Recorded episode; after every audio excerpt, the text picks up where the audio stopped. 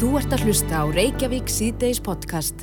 Jæja, uh, það hafa nú margir og mikið verið talað um og ritað um uh, Budapest klíniken og, og þessar tannlæknaferðir til uh, útlanda, saman hvort að það er til Ungverjalands eða Pólans. Uh, en uh, á förstu daginn kemur stendur til að halda kynningu á einni af þessum stofum, Budapest klíniken. Uh, þessi kynning fer fram á Grand Hotel uh, klukkan fjögur síðdeis. Á línunni er uh, Hjalti Garðarsson, hann er uh, frangvæntastjóri Budapest klíniken Ísland, kom til sæl. Sælir? Já, sælir, sælir. Já, það er, þið búist þið fjálmenni á rástefnu. Þetta er, Já, við, þetta, ég- þetta er viðkvæmt mál og hefur, hefur orsaka flutninga milli landa í þúsundavís. Já, það gerir það og það, það sem er skrítið við þetta er það að það eitt að fara til tannlags er nógu skjálfilegt svona út af fyrir sig. Hvað þá að fara til útlanda til að fara til tannlags? Það er svona meir en að segja það. En segðu okkur aðeins, Hjalti, hvernig þetta hefur gengið? Það er nú ekki langt síðan að, að það var byrjað að kynna þennan möguleika fyrir Íslendingu, svona í, í þessum stíl. Já, þetta hefur náttúrulega verið lengi og, og ég þekki fólk sem fór til eh, Tyrklands fyrir rúmum áratug síðan. Og einn af þeim kom til mín til að láta svona yfirfara og það var, það var 100% eftir, eftir 11 ár. Já, þessi Þannig að viðgerð í þetta hefur Tyrklandi. verið- Já, þannig að þetta hefur verið lengi viðlóðandi að fara ellendis í tannlækningar.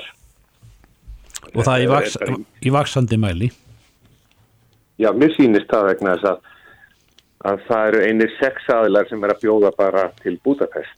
Já, já, sex stofur í Budapest sem að er að bjóða sama, svipaða pakka. Já. Og Íslandingar eru mjög hefnir þar vegna þess að allar þessar sex stofur sem er að bjóða í Budapest eru svona 100% stofur. Mhm. Það, þetta er allt saman, sem sagt, mínir keppinautar, þeir eru allir að bjóða 100% vöru. Já. Það er engin, engin að svíkjast þar. Nei, en uh, það er ekki mikil ánægja með þetta hjá íslenskum tannlæknum heyri við, við höfum nú reynda rætt við eh, meðal annars formann tannlæknafélagsins sem að segjast ekki geta keft við þessi verð sem þarna eru en, en uh, vilja líka svona slá ákveðin varnagla. Já, já, ég hef nú fylgst með þessari umræðu líka og, og mér finnst þetta svolítið skrítið að það sé í lægi að senda íslenska tannlækna í nám til Budapest en síðan er það sem er gert þar er allt ónýtt. Þannig að ég, ég er ekki að skilja þá umræðu Er, mér, fyrir mér finnst svona að tannlæknafélagi eftir frekar að spurja sig að því hvernig stendur á því að þúsundir Íslendinga er að fara ellendis í tannviðgerðið. Hver, hver er ástæðan að þínum að þið? Verðið, nummer 1 og 3. verðið er náttúrulega nummer 1, 2 og 3 og Íslendingar geta ekki keft við, við ellendastofur í verði. Það er bara staðrætt. En uh, þú nefnir þe- þetta að margir óttast að fara til tannlæknis hvað þá til tannlæknis í útlöndum uh, en Budapest hefur svona ekki bara hér á Íslandi heldur víðar í Európu sínismanni og skilsmanni að, að eh, hefur svona fæst í aukana þar að segja er Budapest eh, mið, eh, miðstöð tannlækninga í Európu þegar kemur að því að þegar fólk mentar sér í tannlækningum eða, eða starfandi tannlæknastofur og klíník sem að dregur að sér fólk hérna og þaðan? Það er svona það sem að, að, að ég heyri af tannlæknum að Budapest sé mjög framalega í, í, í tannlækningum. Já, Og, og þar er eh, þó að sé verið að nota svipuð efni annar staðar og jáfnvel sömu efni þá eru aðferðirnar ekki þær sömu milli landa. Þannig að íslenski tannlæknar hafa numið í Budapest, ekki satt og eru að Jú, jú, jú. Það er eh, stór tannlæknadeild bæði í Budapest og eins í Debrecen sem er næst versta borg. En Hjalti, fó- fólki hættir oft til þegar að uh, það sér eitthvað sem er svona ódýrt. Það er að segja að þetta er miklu ódýrara þarna úti heldur en hér að, að þá setur fólk oft sama sem er til að milli gæðana og, og versins. Já, og, og þetta held ég að sé bara grafið í, í hérna DNA-ið okkar vegna sem ég fell í þess að grifi sjálfur en þegar maður skýlur hver munurinn er það er svolítið munur á því hvort að hvort að þú ert að kaupa inn í miklu magni til dæmis bara innkaup á efni við erum að tala líka um verðlagi löndunum að, að svona meðalögn hjá ómyndum verkamanni í, í Ungarlandi eru í kringum millir 90 og 100.000 íslenskar Já, Mhm. en Já, já. Hann getur lifað, góðu lífa á því þannig að þetta er allt spurning hvað færðu fyrir það sem ert að fá í laun En en er þetta færi bandavinna? Það er að segja, er þetta bara svona inn og út og, og það er að segja, er, eru, eru gæðin svona í þeim standard, standard sem að fólk þekkir hér heima? Það er náttúrulega reynda að missa upp gæðin hér líka? Já, já, en, en samt eru gæðin hérna á Íslandi meiri held ég svona yfir línuna heldur en annar staðar. Íslenski talarna mega eiga það, þeir eru mjög góðir og fylgjast mjög vel með öllu nýjungum, þannig að Er verið að nota, að já, er verið að nota sem sagt betri, betra efni þá hér heldur en, heldur en það núti? Þa, það fyrir eftir því á hvaða stofu fer. Við erum til dæmis, það sem við erum að nota á Budapest kliniken er það sama og flesti tannlarnir eru að nota hér. Já. Þannig En, en það er annað sem að, já, annað hjaltis, Verkfæri og, og, og annað passa á milli. Einmitt. En það er annað sem að ég veit að fólk setur fyrir sig. Það er, fólk, fer út, fær þjónustun úti, e, kemur yngað heim og e, hvað ef eitthvað kemur upp á síðan þegar heim er komið? Já, þá er eh, eins og við erum með, ég, ég ætla ekki að tala fyrir aðrar stofur en okkar stofa, við erum með samning við íslenska talanlega íslenska talanlega stofu sem við vísum á og sérum þessi mál fyrir okkur. Þannig að ef eitthvað kemur upp á, e, er, er þá viðgerinn í ábyrð? Segja, þarf þá ekki að greiða fyrir þjónustuna hér heima? Þa, það er ábyrð öllu sem við gerum. Já, já. Þannig að það er spurningum, er þetta eh, okkar mistök sem getur alltaf verið eða ert þú ekki að fara eftir því sem við leggjum fyrir þig til að þetta sé í lagi? Hvað hafa margir farið frá Íslandi út til ykkar? Hey, Í eh, ár er það tæplega 1100. Já. Það er, það getur maður sagt að sé slatti á íslenska vísum. Það, það, það, ég er bara eiginlega gapandi yfir þessu sjálfur og, og hérna, hafði ekki gert mig grein fyrir þessu þegar ég byrjaði á þessu. Nei. Nei. En Það er bara til ykkar. Svo eru þarna hvað eitthvað að finna eða sex í viðbótsæður sem að... Já, En, Já. En, eh, hvað þeir eru með veit ég ekki en nei. en Hjalti, þú segir eh, tannlagnar íslenskir segja að þeir get ekki kæftið þetta og þú, þú skilur það og við skiljum það og sjáum það og upplifum en, en eh, munnhólið er nú og tennurnar eru það eina, eini parturinn af líkamannum sem ekki er hér inn, á, inn, á, inn í kerfinu.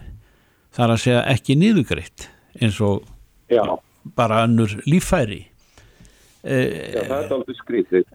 skrítið en, en er það ekki ástæða til þess að eh, á íslenska vísu að, að, að hvetja tannlækna til þess að, að reyna að sækja á þau mið eh, til þess að geta keft Ég, það er náttúrulega einn hlutur, svo líka annar hlutur er, er það að þeir sem er að koma til okkar, þetta er ekki að gerast í munninum á þeim núna. Þetta er búið að vera yfir einhver, einhver ára sapnast upp Já, og þegar fólk eyðir meira í, í hárgreislu heldur en í, í munnhóliða þá er eitthvað mikið að. já, Eitt annað sem að, sem að hefur verið nefnt í þessar umræðu þegar við höfum talað við íslenska tannlækna eh, það er, eru sögur af því að þegar fólk fer út að þá er það hvað til að gera kannski meira heldur en þarf. Já, Hvað segir við því? Er, er, er verið að íta fólk út í það að, að fá sig kannski eh, að það sé gert við meira heldur en kannski nöðsynlegt er? já, það er, það er hárið en það er ekki, það á ekki við um alla. Nei, meni, Við, hérna, við erum að fá fólk af öðru stofum sem að eru akkurat í þessum pakka en hérna, Þa, það, sem að, Ég- það sem að hvart hefur verið til þess að, að fleira sér gert í munnhólinu heldur en nöðsynlegt er. Já, og það sem oftast er notað er það að það þarf að setja fleiri krónur heldur en að þörf til, til þess að, að, að lagfæra bit. Og það er volið erfitt fyrir þig sem leikmann að, að hérna, efast um það að ég sem tannlæknir sé að hafa rétt fyrir mér eða ekki. Mhm. Þannig að það er mjög létt fyrir mig að segja já það þarf að gera þetta, þetta, þetta, þetta Já. og svo þarf þess ekkert. Nei.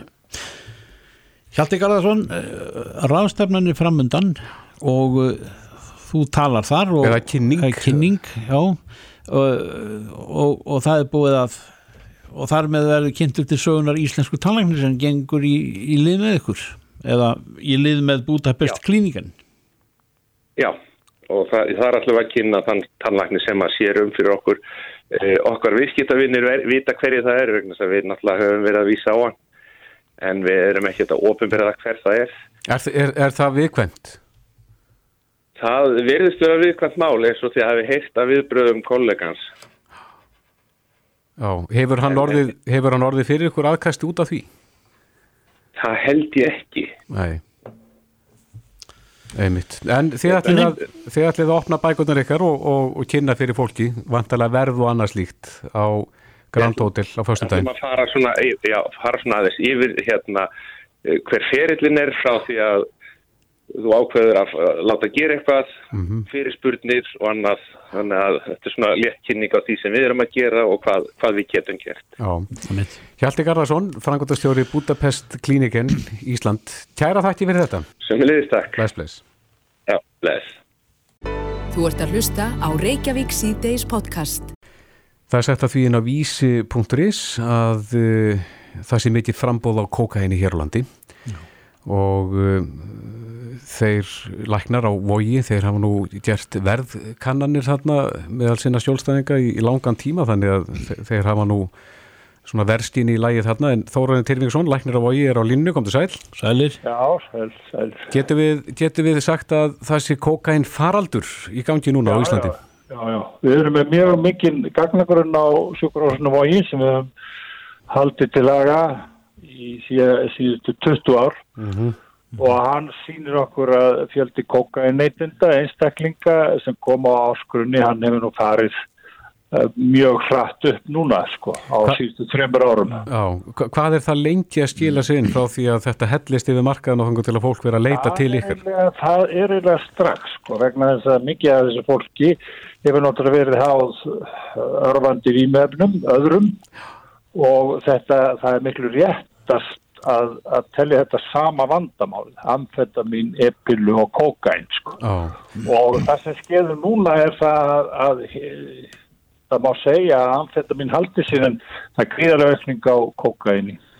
en kókain hefur nú verið, amfetaminfíklarnir fleiri en kokainfíklarnir en í heild svona örfandi vímöfnunestlan hún er, hún er gríðarlega mikil núna og hefur líklega aldrei verið meiri hvorki tölulega eða hlutfarslega svo það er 51% af sjóklingum okkar sem eru greinast háðir þessu þar að segja að þeir ekki nota það heldur uppfylla eh, sko greiningaskýrið til þess að greinast eh, fíknir á háu stíi vegna Já.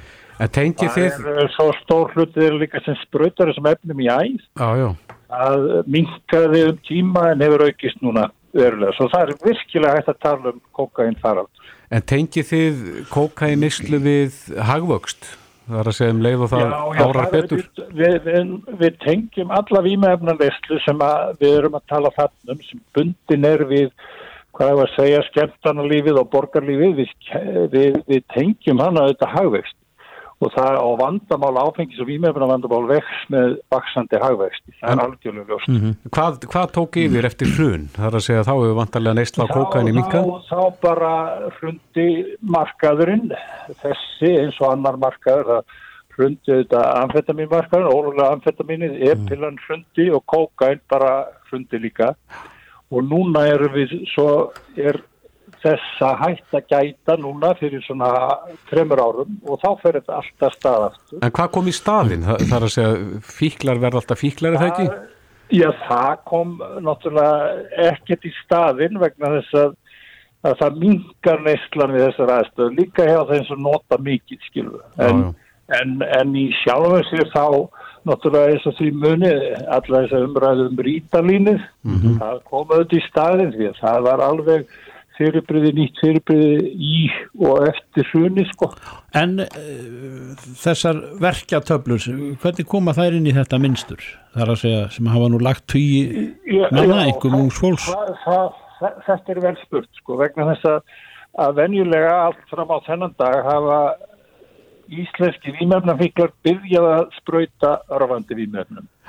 Við það fá þeir alls konar fylgjikvilla og fara því að sækja í önnur lip vegna svepptrublana, geðrofsengin og ímissa hluta sem við fá og hluti af því er að fara yfir í sterk verkjadefandi lif mm. eftir 1999 þegar þeir fóru að misnáta það en sá fjöldi sko í heild e, sem eru að háður þessum verkjalifjum, þá morfíni og oxykótin og skildilifjum hann er núna í dag þessi hópur er sko innan við þúsund sko meðan að við teljum hinn í, í 4-5 þúsund mm. Kokain nefndir Hvað sér þau?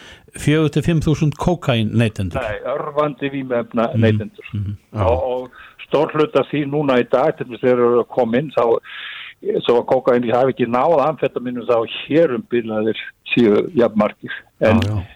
Nýju sjúklingarnir örfandi výmefna sjúklingarnir þeir eru mikið í kokaini mm -hmm. þetta er mikið þetta hengt sko skemmtanlífin það er oft talað um að þetta séu börn sem að séu með gerðarna vanda og erfiðleika í uppvextu og slíkt. En eh, sko þessi neysla tengdist sko skemmtanlífinu með e-pillinu, munið það? Jú, jú. eftir 1995 og þá kom þetta bara inn á skemmtist að hennar kvítaduftið og, og svo þurftum hennar að halda okkur sinni alla nóttina við bjórndrykju og svo framöndi gott og svo þetta tengdist því og kókaini núna gerir þessi tengsl enn meiri svo þetta er tengt bara borgarlífinu og skemmtanarlífinu og þetta er mest fólk millir 20 og 30 ára mm -hmm. þetta er mhm. ekki þeir sem eru undir 20 En Þóra, þú ert að fást við og því þannig að ég er að fást við afleiðingarnar Já, já. Hva, hvað telur þú að þurfa að gera til þess að, að reyna að draga úr eftirspurninni? Já, það er nú það. það. Það sem þarf að gera er það við þurfum að fara inn í framhalskólana og við þurfum að, að hérna, stopna til samvinnu við nefndur þar og þeir verða að breyta við þorfinu, sá hópur og við verðum líka ná til þeirra sem ekki er í framhalskólum og við verðum að, að breyta við þar þess að unga fólk svo að telli ekki svona eftirsoknum verkt og og skemmtilegt að prófa þessi efni. En hvernig gerir maður það? Hvernig breytir maður viðþórum fólks til? Já, þá, þú getur gert á eins og nátt. Þú getur til dæmis látið fá forvartanverkefni og styrst og tengt þá þeim stofnunum sem að vita mikið um þetta mál eins og SA eins og, eins og öðrum, öðrum stofnunum landsins eins og lauruglunni og annað sem gefur þessum, þessum fólki upplýsingar svo það getur búið til fræslefni og forvarnarefni sjálf. Mm og, og mögulega þeir eru miklu því að menn taka bara heilu kvikmyndar upp á símansinn sko og geta búið til sko efni þar. Þetta er það sem á að gera, það á að fara hann inn og SA á að styrkja þetta og lögreglan á að styrkja þetta og bara aðlega að styrkja þetta, mentamála bara á að styrkja þetta og þá bara keira úka fólki á stað í forvarnaverkjum. Mm. Uh, Þóraðin Tervingsson, þú ótt að bæki marga ára tíu í þessu uh, hefur þau tölu bara flýgur í gegnum hausin á mér, hefur þau tölu á því hvað margir hafa sko ef við tökum þetta dóp þar að segja við sleppum ítum brenninu til liðar en hvað margir hafi, hafa farist? Bein, beinlinis vegna þessa? Já, já, við höfum alveg tölur um það á Íslandi? á, á þessum, Já, já, í, í þessi ár við höfum sko þessar, þessar þessar tölur sko það, við, við sjáum það alltaf úr gagnagrunnum okkar þessum eru skráðir og þá væntarlega gründir í meðbuna píklar þeir degja fyrir aldur fram til mm -hmm. 64 aldur og núna í dag eftir að, við, að sjóslissin minguðu og ímins svona uh, hættur í þjóðtilæginu mm. og eftirstendur þetta þetta er nú alveg rosalega hætt að vera út og ofta verið í svona neyslu þá eigum við bara 30% af þeim sem er að deyja ótímabært fyrir 64 ára aldur á og þetta er ekki stór hópur, við erum ekki nema 20.000 lifaldi mm -hmm. greindir áfengis og výmefna fíklar í landinu og við eigum að 33% döðsföllum á vissu aldurspili. Já. Er, eh, myndur þú segja að ástandi væri alvarlegra núna heldur en oft áður? Nei, það, það er erfitt að segja það sko, við, við, það er ekki meiri líkur á að verða fíknefnum að bráði í dag heldur en var, það er minni líkur núna heldur en var 2002 en það sem að vandamálið núna er og meðferðarstofnum standarframbið að hópurinn sem að þarfa þjónusta er veikari og hann er í miklu floknari í meðlumneslu sem þarf yngriðs meiri meðferð og miklu meiri stuðning á eftir mm. Þannig að þessi, það er ekki hægt að segja, segja já það er alltaf fært í veitist, það er, er rátt. Til dæmis í livrabólgu tilfellinu þau eru miklu, miklu betur startir vegna þess að áðurum við fórum í þess að meðferð það óttu við 500 manns út í sjóðfélaginu sem voru búin að vera með livrabólgu síðan meðaltali í tíu ár. Núna þeir eru valla 50 og þeir eru flestir komin í meðferð strax ef við mm. greinust. Er það minkandi strykja? Nei, nei, nei, ekki Leðurborga sé, hún er bara bundin eiginlega við spröytufíklu. Sko það sem að er að breyta þessari lifin, við getum bara meðhendla fólk sem er smittandi og með Leðurborgun í sér, ef við meðhendla það, þá bara hættir að smitta strax, eins og með berkla og, og alnæm og svona. Já, lifin eru betri. Það er að stíma og, og meðhandlaða. En brennivínið er, er samt aðna inn í þessari mynd ekki satt? Menn álmáttur það er þetta og hverjir er þetta rekka það eru er okkar aldur sóburþorgir sem er alveg að fara með heilbríðiskerfi og það er ekki á elsinskapki það er og við erum að koma við kjærsláttartröflanir og livrabólkur og, og, og lúna símtóma inn á, á bráðamóttökunar og það er engin leið að koma okkur að bráðamóttökunni. Og best að þessu er drikkiskapur og óregla. Er brennivinni mesti skafaldurinn? Já, ennþá, ennþá, já, já það þú veist hvernig þetta er, það er eftir ákvæmar að horfa. Og auðvitað er það er þessi lif hræðilegir unga fólki og þessi skyndidauði þess að tala um uh, sko verkjalið mm. Já, akkurat. Þóraðin Tilvingsson, læknir Já. á vogi, kæra þakki fyrir spjallið. Gaman að heyrið Þóraðin Já, samleist, bæ Reykjavík síðdeis á Bilginni podcast Já, já, snúum okkur að þess að heilsunni. Eh, það er nú mikið rætt og hefur verið ritað um uh, breytingastegð hvenna mm -hmm. og það er nú svona nokkuð velþægt stærð uh, hérna það sem að því fylgir og enginin öll. En við höfum fengið spurningar varðandi breytingastegð Karla. Og það er spurt bara fara Karlar á breytingastegð er það eitthvað þekkt stærð? Það er ábyggilega örglega uh, femninsmál Já, ég veit það ekki. Arnar Högson, læknir er á línu, kom til sæl. Sælir. Komið sælir. Já, hvað segir þú? Fara karlar á breytingastíð? Við gerum það alveg hessilega líka. Já. En í jafn mörgum útgáðum eins og konur í sínufæri. Já. Mm -hmm. Þetta heitir andrópás á okkur kollunum. Já. Andró er, er þarna kallins uh, helkenni. Mm -hmm. Og pási með síður stöðun að því þegar að mingar og hægir á hormonamyndum kalla. Já, já, hvena gerist það? Það gerist hægt og rólega en ekki á stuttum tíma eins og konun, þess að tekur engin netti nema kannski eigin konan. Já, þannig að, að þegar konur fara á þetta breytingastíð þá, þá dempist þá eftir yfir bara með stuttum fyrirvara? Já, það komum breytingar enginn eins og hitt og svitt og blæðingar og að við höfum ekki á, ekki á klæðum kallar, mm -hmm. þá höldum við að við séum ekki á breytingar aldrei. Já, já. En það verður sem sagt eh, hægist á, á testóstegunum framleiðslunni, er það ekki um 1% upp úr 30, 1% ári? Jú, og það er greinilega að það slíkti vaksandi í heiminum í dag, einhver luta vegna. Já, já. Þannig að það má gefa sér það þegar að karlmaður er komin á, á sjötugsaldrinum að, að þá er að mér helminga því sem hann var með um 30. Já, en einnkynnin er að byrja dætt inn með 50 og 60. Já, og hver eru einnkynnin? Uh, fara eftir í hvað við lifa hóllu lífi, nákvæmlega eins og hjá konum. Mm -hmm. ef þú reykir og, og, og svallar mikið og vakir og hugsaður yllum helsuna þá proppar þau fyrir inn. Þetta getur byrjað sem þreita úttalsleysi mm -hmm. þá það er náttúrulega aðtóa fleiri þætti en svo hjarta og slikt sem það líka gerir hjá konum. Og blótristing, síkursíki er máfittir að ræða. Og svo getur komið skapreitingar, þreita, svefnhöfgi, e, við fáum líka svita, þó við tökum kannski ekki eftir í samanform og konur að því fáum ekki steipur. Mm -hmm. Svo getur komið mingu löngun. Þá kyn, kynlífslöngun? Já, og svo getur komið önnur slík vandamál tengt í. En svo reysvandamál? Rísvandamál er, er ekkit óvalgengt og ég vil merkilegt nátt að koma mjög lágt neyri aldur hjá kollum. Já, já. Er það að færast niður? Það er svo skrítið að það er ég að koma bara strax upp úr færtugu. Já, vita menn eitthvað hvað veldur því? Menn halda þessi að mingu líkamlega árensla, aukinn livjanótkun, engum uh, steranótkun hjá ungum kollum. Mm og mikil uh, og stíf vöðauppbygging sem að skerðir og ofnotar þá uh, þau hormón sem líkaminn getur framleitt sjálfur sko. Er þetta að segja það að, að líkamsrættin sé ekki af hennu góða þá? Jú, hún er alveg svakalega góð.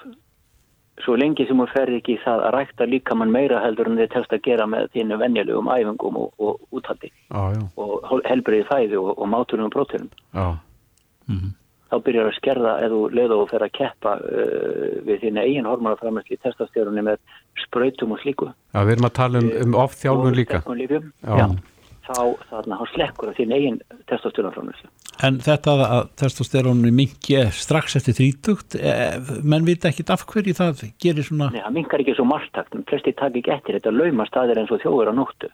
Já og það er einhvers tröflun og samspilni millir heilætingus og framlegslu eistum mm. Er þetta eitthvað úreldingaferli sem að líka með fyrir ég það? Nei, þetta er bara öldrun Já, við erum bara gerði fyrir ákveðna lífsendingu eins og, og hver annar fólksbíl sko. en þegar að þessi umræði kemur upp Arnar, það er að segja breytingastegð Karla, þá er nú oftast talað um gráa fyrringin og það er nú oft talað um það bara svona í í hálkjæringi eða gamansömmun tón? Grái fyrringurinn hæði svona á við það þegar að kallar er áður fyrir áttu erfitt með ris þannig að þeir áttu erfitt með að komast í gang og að þeir eru vanir uh, sínum uh, uh, förstu konum og þurftu lengri aðdraðanda en svo þegar þeir sá sko, nýja brömið í gardi nákvæmlega þá vaknaði áhugin og endist vel einhver svolítið tíma en svo þegar rislífin hafa komað til þá held ég að þetta sé mikið til að detta út nema hjá svona atvinnuflögurum sko, sem er út um allt. Akkurat. En er þetta eitthvað sem að Karla rættu að, að gefa gaum? Absolut. Að því þessu fylgja ákveðni sjúkdóma líka. Mm -hmm. Og flestir heimilisleiknar er í dag mjög meðvitaður um þetta vandamál og, og duglegar að rannsaka karni sem að hafa svo upp í að koma til þeirra. En akkur heyri maður svona lítið rætt um uh, breytingastíð Karla? Að því Karla eru svo lítið kvartsálir. Þeir eru laumast til maður svona óvart og koma og segja, já, gaman að hitta þig, verðst þú hérna, já. Að því hitti þig þá og svo byrja að saga. Þeir eru ekkert framfærnir að hafa sér í gang. Nei. Og það heldur ekki rekna móttökur fyrir Karla, sambarlegt fyrir konar. Er þetta ekki líka femnismál, eins og sagt er, femnismál Karla? Augum uppi, sjálfsagt. Já, já, já þú horfið bara í eigin barn Já, já En Karla sem að, kannski að því að þú taldur upp einkennir í náðan, Karla sem að finna fyrir einhvern slíkum einkennum, hvað er það að byrja? Er það heimilislegnir? Ég myndi alltaf byrja hjá heimilislegnir. Mm. Því að þeir fari gegnum flest ferli, síðan myndu þeir vísa þeim áfram mm. eða gæm til að fara að lækna sem að sjá mikið um þess að stráka sko. Já.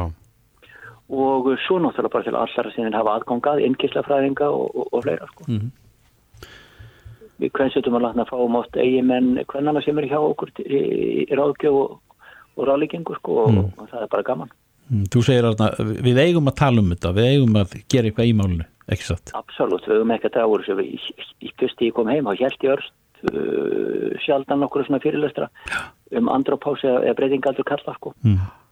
en það var ekki nærri sama áhugi fyrir því eins og breytingaldur kvenna sko Nei, akkur heldur þau? bara það eru fleiri liv algengileg og það er leiðandi meiri áráð fyrir að nýta það. Svo þetta er svolítið stýrt að því frambúði af, af ráðum og livjum sem eru til á markánum. Fyrir konur? Já. Á, akkurat. Já. Arnar Haugsson, læknir, eh, kæra þakki fyrir þetta. Þetta er kannski eitthvað sem að mann ættu að, að gefa meiri góðum. Það er sérstaklega þeir finna fyrir ykkurum af þessum hérna, enginum sem þú nefndir. Já. Arnar, kæra þakkir. Takk fyrir þetta. Takk líka. Takk, bless. Takk, bless. Þetta er Reykjavík C-Days podcast. Jæja, Reykjavík síðdeis, við ætlum aðeins að huga tískunni en uh, við tökum eftir því að rúlukraga peysur eða bólir eru uh, í, í tísku núna. Já, hafa alltaf verið. Já, við sáum til dæmis eins og við sögðum hérna áðan í, í hérna útsendingunni frá landsleiknum í gerð, það var Pétur Martinsson, hann var svo sannarleik tískun í sínum rúlukraga ból. En á línunni er Arnar Gauti Sverrisson, uh, hönnuður og tískumógull, sæl. Sæli strákar. Er bólurinn komin í tískuð? Rúlu kragabólurinn? Já, ég held að vera að tala um, ég held að vera að tala um á haldó núna, sko. Nei, Herðu, rúlukrafabólun, já, en ef ekki samt að segja hann hafi nú alltaf verið þann inni. Já, Já. en dettur hann inn og út? Já, hann hefur nú alveg gert það, sko, en, en þegar kemur svona eins og við erum að upplifa höstið í dag, þá er þetta eitthvað sem við karlmenn leitum svolítið í, sko. Já, Og hann er mjög í tísku til dæmis í dag og, og hérna mikið um það að vera í til dæmis sikri rúlugrafapeysu og svo að vinsalt að vera svona vatn vesti yfir. já, svona barbúrveldi eða svo til alls konar þetta frá mörgum fyrirtækjum. En þetta er mjög svona útlit sem menn fíla. Já, rúlukragabólurinn gengur við margt eða ekki, þú getur verið fínum jakka við rúlukragabólinn líka. já það er hægt en þetta er eins og ég í dag, ég er akkurat í rúlukraból grári rúlukrab, rúlukrabpeysu grári rúlukrabpeysu og svo er svona bláu vattvest eftir og, og armibuxum og svona og maður er svona pínu, pínu töff en, en svo er alveg hægt að sitja þetta undir jakkafuttin og, og geta fara út að borða. Hann virkar nefnilega hann er svona multifunktional eins og maður slettir sko. En hvernig gerist að hann, hann kemst í tísku, fer, fer inn og út? Er það, er það bara ástíðin? Gerist þetta hverju ári eða er einhverju frægir sem að byrja að skarta þessu og svo fylgdi restin? Nei, hann er í raun og veru þannig hann kemur alltaf inn og svo er bara svona kannski eitthvað sísón og ár sem við erum að nota meir en annars sko. Uh, eins og bara ef þú ferði í búðunar í dag það eru rúlukrapeysur í, í öllum búðum. Já, og það hefur alltaf verið. En svo er bara misætt hvað við erum að grípa mikið í hann sko. Hann, hann eins og núna er mjög vinsælt að vera í góðri rúlukrapeysu og, og þá svona kannski pínu þunni en svo þekkjum við þetta líka þessar þykku flottu rúlukrapeysur sem er æðislegt að fara í á höstin og vera í sko er það þá ekki útifatnaður? Jú, við erum, veist, við erum, við erum fínir, veist, en við þurfum ekki að fara í úrspuna, sko. Þess vegna er það svo næst að fara í, sko, stóru þykkupeysuna og kannski vattvestið, meðan að þið getur verið í, sko, rúlukrab bólnum eða þinnri peysu bara í, í útsendingu eða í vinnunni, en samt að vera svona pínu snirtilegi, sko. Eh, Það er svona að koma pínu í staðan fyrir skiptuna, sko. Já, Arnar, ég hef aldrei til og ég man eftir hvernig ég sá rúlukraðapeysun og það var út á, bí- utan á bílaplutunni With the Beatles. Þá, Já, þá já, voru þeir bara allir í svart hvítri mynd, mjög flott myndataka og Já, Og þar kom- svo, nei, svörtum Svörtum, ok. Já, það, það, það var hlaupið í búðir eh, þá en þær voru ekki, fengust ekki í kallmannabúðum þá, svo við fórum í hvern fatta búðir og, og það, það eru allir að þegja yfir því Já, sjálfsögðu. það var ekki að upplýsa það þá, sko. Nei, það er annað núna, kannski. Já, þannig að rúlukragapeysan á, á svona sína sögu. Já, hún er alveg góða sögu í, í, í höst, höstlæðunum og þegar það er að koma inn, þá við oft í þetta, sko. Já, akkurat. Við erum snirtilegir og flottir í þessu, en þurfum ekki verið í skirtu eða, eða hettupeysu, sko. Já, akkurat. Þægilegu klannaður á haustinn þegar að fer að kólna. Arnar Gauti spurning. hönnuður og tískumógull. Kæra þakki fyrir spjallið. takk, takk Gaman að heyra ykkur, strákar. Semleis, Bye. bless, bless. Hlustaðu hvena sem er á Reykjavík C-Days podcast. Reykjavík síðdeis í gær heyrðu við Viljámi Birgisinni, verkefliðsleit og Skaganum eh, sem var ekki parsáttur við upplýsingarleysi eins og hann nefndi það, varandi sæstreng. og uh, það sem hann sagði í gær hann var búin að ytta það efni frá því í, í, í vor ef ég maður rétt í allir umræðinu um, um uh, þriðja orkupakkan og þá, þá fór nú flugusögurnar margar út og suður. En uh, hann er komin til okkar hann Hörður Arnarsson, forstjóri landsvirkjunar. Uh, í þessu viðtali og reyndar hefur maður heyrt það úr uh, neðan af þingi uh, það er kvartað yfir því að ekki skuli vera hægt að fá upplýsingar hjá landsvirkjun um úttekt eða aðtugun á, á kostnaðar uh, sundurliðun á því hvað kostar að koma sæstreng við austan á landinu. Uh, og, og, og kannski þegar maður leggur þetta allt saman þá segi ég uh, hvað viltu segja við þessu?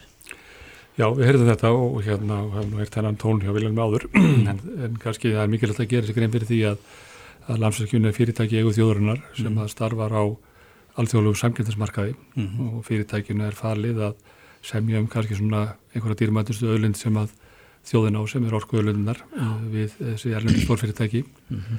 Uh, uh, sem er að, að sjálfsöðurinn að fá sem hagstaða samninga. Það er óhjákamilegt að svona miklir viðskiptahagsmunir eru undir að svona ákveðni hlutir uh, sé, sé trúnarum þá og bara einhverju til þess að samningstaða fyrirtækisins í þessu floknu alþjóðlu samningum mm -hmm. hlætist ekki svo hún, hún hérna uh, rýrn ekki uh, hens vegar vil ég að koma það skipt fram að, að við horfum á landsverkjun þá svo upplýsingugjöf sem landsverkjun gefur mm. hvort sem við horfum til fjárhagsleira upplýsingum fyrirtækið Eh, upplýsinga um eh, verkefni sem fyrirtæki vinnur að þar með alls sæstreng mm -hmm. eða um virkinarhugmyndir eða, eða um umhverfismálið annað þá vil ég fullir að það að það er ekkert fyrirtæki í Íslandi sem gefur út jafn ítalegar upplýsingar þannig að það er mjög sérstakt að vera sér gaggrind fyrir það að gefa ekki upplýsingar þegar við erum fyrst og náttúrulega að gæta hagsmuna eigandans mm. í floknum alþjóðlum samningum mm. uh, ég sé ekki ef við berum okkur saman við viðsemindur okkar mm. þá um sé að segja sko, upplýsingugjöf frá þeim sko, svo sé svona 10 til 20 sunnum minni held ef 10 til 20 er í upplýsingugjöf og þeir hérna þeir hérna, bara einmitt sem þeir halda algjörlega að sér sínum spilum til þess að gæta sínum hagsmunum mm. þannig að en í held myndi ég segja að það er ekkert fyrirtæki á Íslandi sem gefur jafn ítalegar upplýsingar sem snúa rekstari fyrirtækisins mm. og, og þetta sem spurt er um Eh, eða fást ekki upplýsingar það er á vískiptalegum fórsendum sem að, sem að það um stundarsakir verður að vera mál eh, ykkar og svo þeirra sem taka þátt í þessu með ykkur. Já, í raun og veru er sæstringur bara, bara, bara venjulega viðskiptafinnur sko, eins og hver annar viðskiptafinnur og fyrir okkur að, að hérna vera upplýsa um kostnaði einstaka viðskiptafinni e, þegar við erum að kannski að að keppa í þessum samningaverðan, það er mm. bara óskup, mjög óskinsalegt og mér reynur ekkert fyrirtæki sem þú finnur einstæðan myndi gefa uppsóliðs upplýsingar og mm. það var mikilvægt að fyrirtæki ofnbyrja eigu uh, það þarf að gera sömu kröfu til þeirra um rekstranniðustu eins og fyrirtæki enga mm. það að þjóðin eigi fyrirtæki það þýðir ekki að það eigi að semja illa fyrir þjóðina En hörður, hvað, hvað er, er þetta verkefni þessar lagning sæstrings, hvað er þetta komið langt? Er þetta búið að taka ákvörðun um það að, að ráðast í slíkt verkefni? Nei, nei, alls ekki og það kemur skýrt fram í svarinu þetta landsvíkun hefur skorað, verið að skoða það þannig möguleika síðustu 30-35 árin hefur þetta reglulega verið skoða. Er það að fara snær? Uh, ég myndi að segja að það sem er að gerast að, að í heiminum að það er verið að leggja mikið af sæstringum þannig að tæknin hefur þróast mikið mm -hmm. en það er ekkert verið ekki neina ákvörðun eins og kemur fram í í hérna svarinu og þá hefur lítið verið unnið af svo síðustu 2-3 árum. Þetta er sem fóratur sem var gerð, sem bæði út af því að þetta er áhvert verkefni en ekki síður bara til þess að hafa svona mjög sér ákveðin valkost í samlingafyrðan. Mm. En aðeins varðandi lagningu sæstengs, ef hann yrði lagður, eigum við til nóga ramagni til þess að að flytja út það var eiginlega efni heilt viðtal að fara að ræða sæstringir sko en Já. ég held að við getum komum vel ekki að ræða það bara alveg sérstaklega mm. en það myndi nýtast orkukerfi myndi nýtast minn betur, það er verulega ónýtt orka í kerfinu núna sem tapast sem tapast bara í lókuður ávorkerfum mm. sem byggja vendur lórsku um, og síðan en það þyrti eins og að virka, það er rétt mm. um, en hérna uh, þetta er bara einn viðskiptavinnur sem að það hefur ekki, ekki verið tekið neina ákvörðun um það og það er ekki verið raunverulega að vera að skoða neinu krafti núna mm. Tækninni hefur flygt fram eh, þú nefndir það eru við að tala um miklar breytingar í hægraðinga átt þegar við erum að tala um sæðstreng bara hvað sem er í heiminum eins og, eins og hann var fyrir 20 árum og í dag hvað kostnáður er? Já, það hefur kostnáður lekka mikið og teknin hefur fleikt fram töpinn hafa minkað og hérna sem kannski við horfum mikið til hvað normen uh, fremdur okkur gera mm. uh, þeir hafa, voru, voru fyrstur og einna fyrsti til þess að nýta sér tekni og þeir eru núna að leggja þrjá sæstringi, mjög langa sæstringi mm. og munum halda áfram að segja þér að þeir telja að þetta sé mikið virkið fyrir normen að nýta styrkleika vassafsins til þess að hérna vinna á móti vindi og sól og hjálpa til við að berjast við loklarspenningarnar. Hvert eru þeir að leggja sína strengi? Þeir eru að leggja núna tvo strengi til Berlands, uh, þengti Þískalands og, og voru að fjölga strengi til Danmarku líka mm -hmm. uh, og eru síðan að horfa aftur á Holland mm. en þeir eru svona bara tengjast rávorkukerfi Európu og, og þeir líti á þetta sem uh, mjög skynsært en, en þeir eru bara undan okkur í þessu og við, hérna, þessi umræðar komin mjög stutt á veg og það er alveg ljóst að það er ekki pólitísku stuðningur við að skoða þetta í dag eða þessu verkni Nei, en þú nefnir norðmenn þeir strengi til Breitlands Það lítur að vera svimandi upphæð. Áttu tölur úr bókaldinu e, Ég er nú ekki alveg með tölur en þetta, þetta eru dýrverkefni en, en þetta eru, hafa líka verið gríðalega arbarverkefni að mati normal Hvað eru það að stíla sér tilbaka á löngu tíma? Uh, ég hef nú ekki alveg með tölunar en þetta, þessi drengur sem var síðast góði búin að vera ekstra einhver tíma núna drengur til Holland sem var lengi lengst í drengurinn mm -hmm. ef ég maður rétt þá var hann um 7 ára borgarsu upp þessi mikla fjárfæsting er, er, er hann jafn langur okkar? Eða? Nei, hann er stittri, með þessir hinnustrenginir eru svona verða álíka langir okkar orðin svona 700 km mm -hmm. meðan að drengur til Íslands eru svona 1000 mm -hmm. Hitt atriði sem að uh, svona þið hlítuð á og, og, og hnutuðum í viðtali okkar við Vilján um, var þetta sem að hann hefur lendar og, og fleiri líka í að að uh, og það er verðlagning rafurmaksis þegar kemur að, að fyrirtækjanum stóru á okkar vísu uh, stórið, stóriðjan sjálf og það sé pínlegt verð hvað hva hæðina snertir þegar að kemur að þeim og það séu ákveðnar ástæði fyrir því eins og Viljámur saði Já, það var nú, eh, myndum við segja bara fjárstæðakendur aukstunningu sem kom fram með málegast þar mm. sem ég ætlum ekki að fara orðin ekki að vikið við en, en varðandi samkeppnishefni verður landsökunar mm. uh, fyrsta lagi þá er alveg rétt að við erum að reyna að fá sem hagstaðast verð fyrir ísku þjóðina við erum að reyna það að fá sambarlegt verð fyrir orkuna mm. og aðra þjóðir fá í sambarlegu samningum annars þar. Mm. Það er það sem við teljum að sé skild okkar og leggjum okkur alveg fram við það. Mm. Við erum hins vegar ennþá augljóslega hérna að bjóða bestaverðið og það skýrist bara þessum horfum á stóriðuna síðustu tíu ár. Við horfum á hvar álinar hefur verið að vaksa í Evrópu á síðustu tíu árum og þá er það eftir kárunakavirkjuna, eftir hún tók þá er það eini staðan sem er vaksið er á Íslandi einu staðin sem eru byggðar kísilmálmessmiður í vestarna heimi er á Íslandi. Og þetta er einfallega vegna þess að við erum að bjóða, enda að bjóða hákamasta verðið. E, það er eins og það rétt að verðið sem við erum að fá núna, það er herra verð en það er enda á það, það hákamasta sem er í bóði og Viljónum var, var tíðrætt um Elgem, það er just að það er mjög drifin áfram af upplýsingu frá Elgem sem að er á morgun tíðum mjög villandi í þessu máli. Það er rétt að við vorum að endur semja við Elgem tíur og samning. Ó og það er nú sérstaklega viljum til og það því markmið að loka fyrirtækið og gera tíal samning, það er að sérstaklega aðferð sem að ég get ímynda mér að skera langtíma samning og en það er það algjör fjárstað að við viljum eiga gott viðskipta samband við þessi fyrirtæki mm. en, en í þessu samninga þá var rétt að það var veruleg hækkun á samningnum uh, en það er skýrið fremst að verði sem var þar áður var mjög lágt mm. verði sem var var innan við helmingur af kostnaðaverðin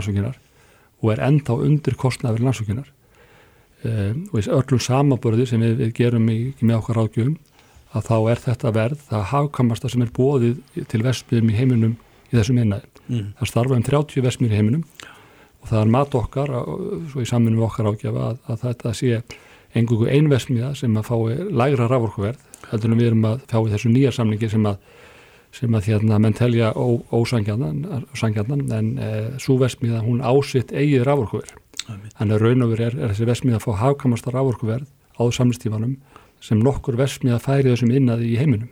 En þú, þú talar um undir kostnæðaverði, því það að það er verið að gefa rávorkuna? Já, það er, það er svend undir kostnæðaverði, já, þá, þá er svend... Þannig að það er verið að borga með? Nei, við erum ekki að fá eðla arsum á okkar regnir mm. uh, og hérna það má segja með eldri samning að þá var, var, var það mjög lár en, en hann er svona að færast nær kostnæðaverð okkar en, en það, er, það, er, það er ekki engung að borga kostnæðinu líka að borga arsum á eigi fyrir en, en, en það er sérstakt að vera að standi þessar orðræðu um þennan hagkama samning sem fyrirtækið er með mm. og meðan þetta er hags og hagkamast sem er í bóði í heiminum. Mm -hmm. Eitt aðeins varðandi sem er vilja líka því við þar að segja að e, að selja raforkun úr landi eftir sæstring vilja líka því við að senda fiskin óunin úr landi að hér er að, að nýta raforkun í landin og búið til störf hér Hvað segir fórstjóri landsverkinu? Ég held að við getum gert bæði. Ég held að það er kannski líkilin að hvað þessi farsarlegsturinn af fiskinanum eh, er og ég held að við ættum að horfa mikið til hans.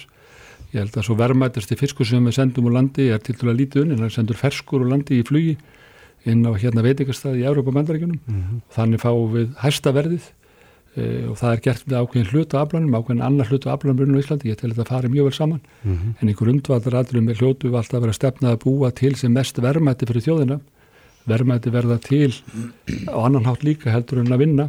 Það verður líka til með að fá bara gott verð. Já, já. Og svo, svo er náttúrulega landslæðið frá ykkar sjónarhóli mjög að breytast. Eh, það nú verið að ræða miklu móðum hluti eins og eh, smávirkjanir sem að ég eflust eftir að breyta já, mælónu hjá ykkur. Hvað, hvað, hvað ramagn hvað ramagn kemur inn á, inn á kerfið og, og, og fleira eins og vindmillur og, og svo aðtugun öll sjáarafla virkjanir og, og þetta hvað Eh, þetta er ekki díkjart auk framtíð En ég held að sé sérstaklega tækifærin í vindorku er, hérna, þar er orðið gríðarlega teknithrón mm. þar er að skapast uh, heilmikið tækifæri ef að við kjósum sem þjóð að nýta það mm. uh, hún fer líka mjög vel saman með vassablunu þannig að við getum nýtt þetta saman og hérna ná, ná, ná mikilvæg hagkamni, meiri hagkamni hægt að ná annars þar. Ég held að það sé bara áhugaverð viðbúti en aftur er það síðan bara ákvörnum þjóðunar hvað hann vil nýta af önundunum Hörður Arnarsson, fórstjóri landsverkjunar Kæra þætti fyrir komuna. Takk fyrir komuna. Þú ert að hlusta á Reykjavík C-Days podcast. Herðu, í mæ þá heyrðu við í honum Bjarka eh, Holmgeri Haldósinni eh, sem að hefur haldið út í fjersbóka síðu um mannskvörf á Íslandi.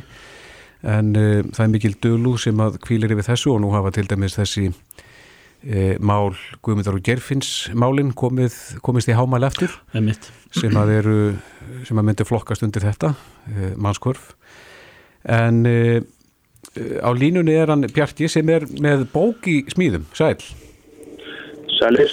Telur þetta til margra mannskvarfa einhvern veginn eins og Kristoffer saði það er svo mikið dölúði yfir þessu en, en, en þú sem hefur glukkað í þessi á þessu sviði mörg mára bil hvað segir um það? Er þetta margir? Sko, tímabilið sem er undir í uppfjöldum bókarinnar, saknað Íslensk mannskvar sem kemur út núna í nóvember, er frá 1920 til 2019. Mm Fyrsta mannskvarfið sem er tiltekið er frá 1922. Ég fallega fann ekki nennar upplýsingar um mannskvar frá 1920 til 1922 sem ég gætt byggt á allavega. Nei. Og miða við það sem er í bókinni þá ætti þetta að vera rúmlega hundrað einstaklingar sem að horfið hafa sporlust með misdulafullum hætti þó. Já, já. En eh, þessi, þetta er náttúrulega kannski viðkvæmar þessi mál sem að hafa komið upp í setni tíð. Eh, Við hvaða gögn stiðstu? Talar við ættingja þessa fólks eða? Ég seti mig í samband við ættingja flestra sem, að ég hafði fyrir, sem ég hafði ekki verið í samskiptum við fyrir. Já, og sem sagt þá einstaklingar sem horfið höfðu eftir 1960 því að uh, ættstofnin er náttúrulega bara orðin mun breyðari þeirra sem eru fyrir það og, og, og fekk upplýsingar þar. Og svo er náttúrulega í sumum tilfellum er þetta mikið tilbyggt á, á hérna frétta, já, frétta umfjöllunum og, og, og upplýsingum líka frá kunnugum við komandi einstaklingum já. Já. Uh, Fekstu jákvæðar móttökur hjá, hjá þeim sem að þú talaðir við?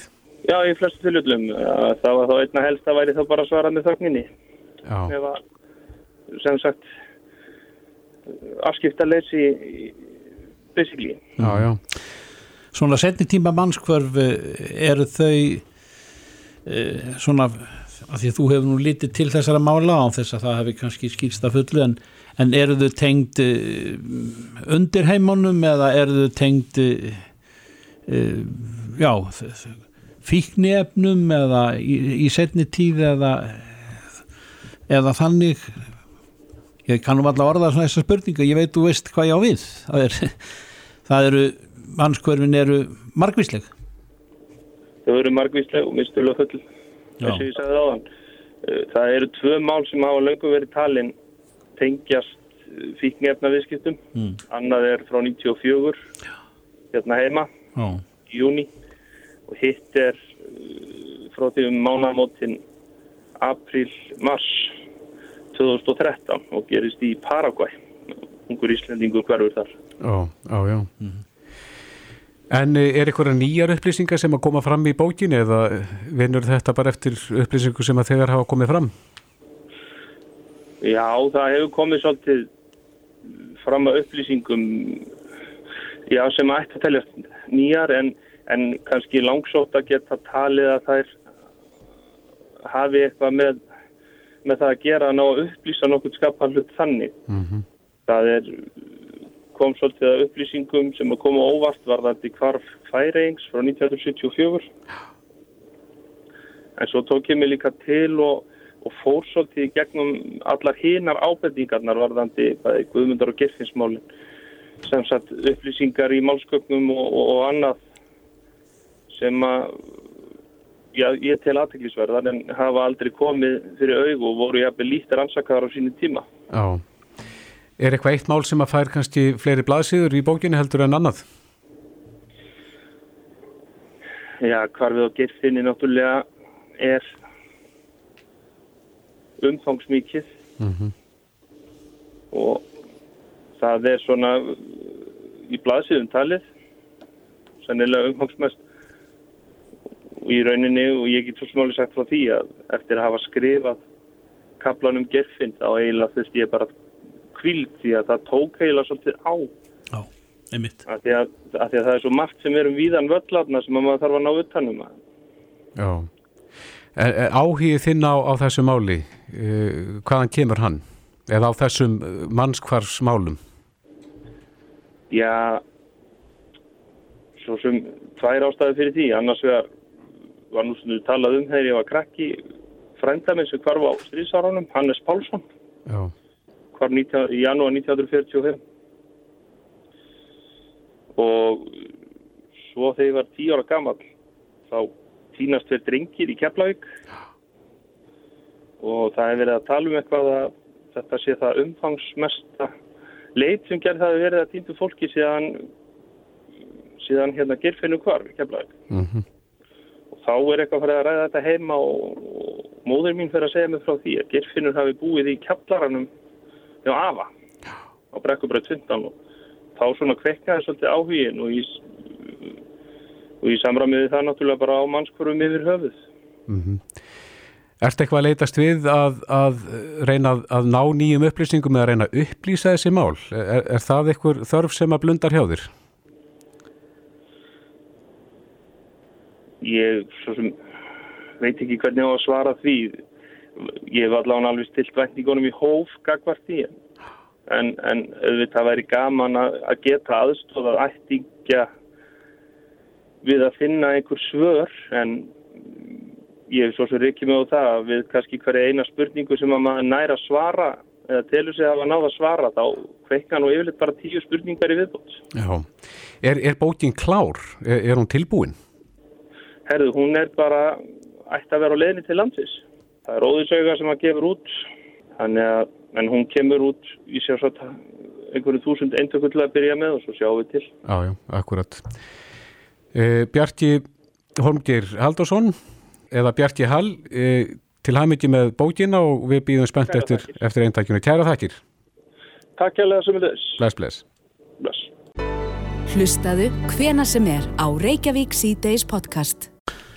snúum okkar aðeins að hjólreiðum en, en uh, hagur þeirra hefur náttúrulega breyst og, og, og vangast mjög mörguleiti en það sem að hjólreiðamönnum er ætlað og var ætlað á öllum þessum stígum sem hafa verið gerðir góðu heilli þá er norðin fjölbreyti leiki norðin snögtu meiri en það séu bara klassísku reyðhjólin það eru komin eh, rafhjól, eh, hlaupahjól eh, alls konar faratæki Hoverboard. já, maður ma ma kann ekki og það er, það er þröngt á, það er þröngt á dalum eins og maður segir þegar maður horfir niður lögadalinn stundum þegar þarna fara margir hópar saman og, og stundum daldi örglingslegt og, og kannski varhugavert.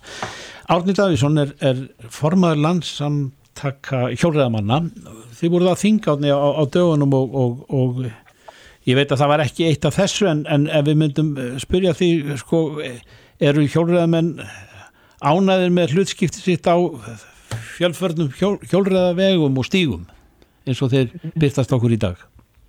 Já, komið sælir. Sæl. Já, bæði og held ég. Þetta er nú ekki sko hlaupahjólinn og léttu byggjólinn í flokki ramarsvespunar eða skutlunar, það eru nú ekki farnar að valda okkur endilega svo miklu vandræðum. Nei. en þá allavega. En auðvitað veit maður ekki hvernig þróunum verður sko. Og maður verður bara vonast til þess að sveitafélagin breyki þá stíða og gera aðra rástafanir ef umferðin verður mikið meiri. Á, á þinginu á dögunum þá voru þið að mælast til umbóta og, og, og, og til dæmis eh, svo ég grípi núnir í þann lista það eru, það eru slísaskráningar þær hafa verið ekki í, í góðu horfi að, að þínum mati og ykkar? Nei, þetta var á hérna, rástafnum Slísavarnir 2019 sem Slísavarnafélagi Já. og uh, þá var ég að fjalla um sjálfröða Slís og uh, þar eru þetta má segja pottur búrótin í skráningum. Þetta það skiptist í í tvö hopp, það eru umferðarslís sko, sem lögreglan á að skrá þegar það verður manntjón. Og umferðarslís er skilgrænt þannig að þegar eitt eitt aukutæki á þátt í slísuna að minnstakostu, þá verður það umferðarslís og ef það gerist á veg eða stíg eða það sem er almenn umferð sko. mm. en, En- auðvitað slísin verða miklu víðar Já. og eins skrái lögreglan ekki öll umferðarslís þannig að það er svona verða mun fleiri slís og þau eru þá komað til kasta bráðadeildar eða slísadeildar og upplýsingarna sem koma þaðan eru eiginlega mjög líklar eða engar þetta er ekki tekið saman og gefnar út skýstur Já. það var náttúrulega við um öll slís ekki bara umferðarslís eða hjólfræðarslís það er bara saman. en, já, en, Það eh, er. En það er nú partur af, af ykkar öryggismálum að, og okkar að, að vita af þessu að, og, og menn, menn beiti sér í því að koma slíkum hlutum í, í, í lag eins og skráningu því að það hefur jú mikið að segja um vöxt og viðgang hjólreðana sem eru nú fyrir síðar Jú, jú. Og eins náttúrulega væri það mjög áhugavert sko ef það væri hægt að staðsetja slis að því e, og finna þessa svart bletti kannski þar sem verða fleiri slis en, en e, annar staðar og, og laga þá þessu staði. En nú, átni, nú hefur fjölgunin orðin svo, hún er svo ör, er þetta ekki eitthvað sem að hlýtur að koma? Jú, ég hugsa það nú. Það er, e, þetta er að vísu þannig í flestu nágrannlöndum okkar að við erum ekkert að standa ykkur verði í skráningum en Nei. En það eru alveg til lönd þar sem menn hafa farið alla leið eins og í Svítjóð. Þá er til skráning frá slísandöndum og menn hafa miklu meiri upplýsingar Já, um, um slísin og hvar þau verða og hvernig þau eru og svo Já, fram. og er kannski snögt, er snar þáttur í, í, í tryggingum sem að menn uh, útvega sér að verða sér út um, náttúrulega með misjöfnum hætti en, en eitt liðurinn í því að þetta sé, sé líðum ljóst og allum að, hvernig háttar, hvernig örgismálum háttar í, hjá hjólræðamenn. Já, já. Átni, en Já, já, það er stutt í veturinn þa- hann kalla náttúrulega alls konar örgis rástafanir Jú, það er náttúrulega, við þekkjum svona nokkuð veginn sko hvað gerist þegar, þegar veturinn kemur. Það er Jú. náttúrulega mjög margir hægt að hjóla bara hreinlega og ekkert af því sko, fólk treystir sér ekki til mm. þegar er komin hálka og snjór sko.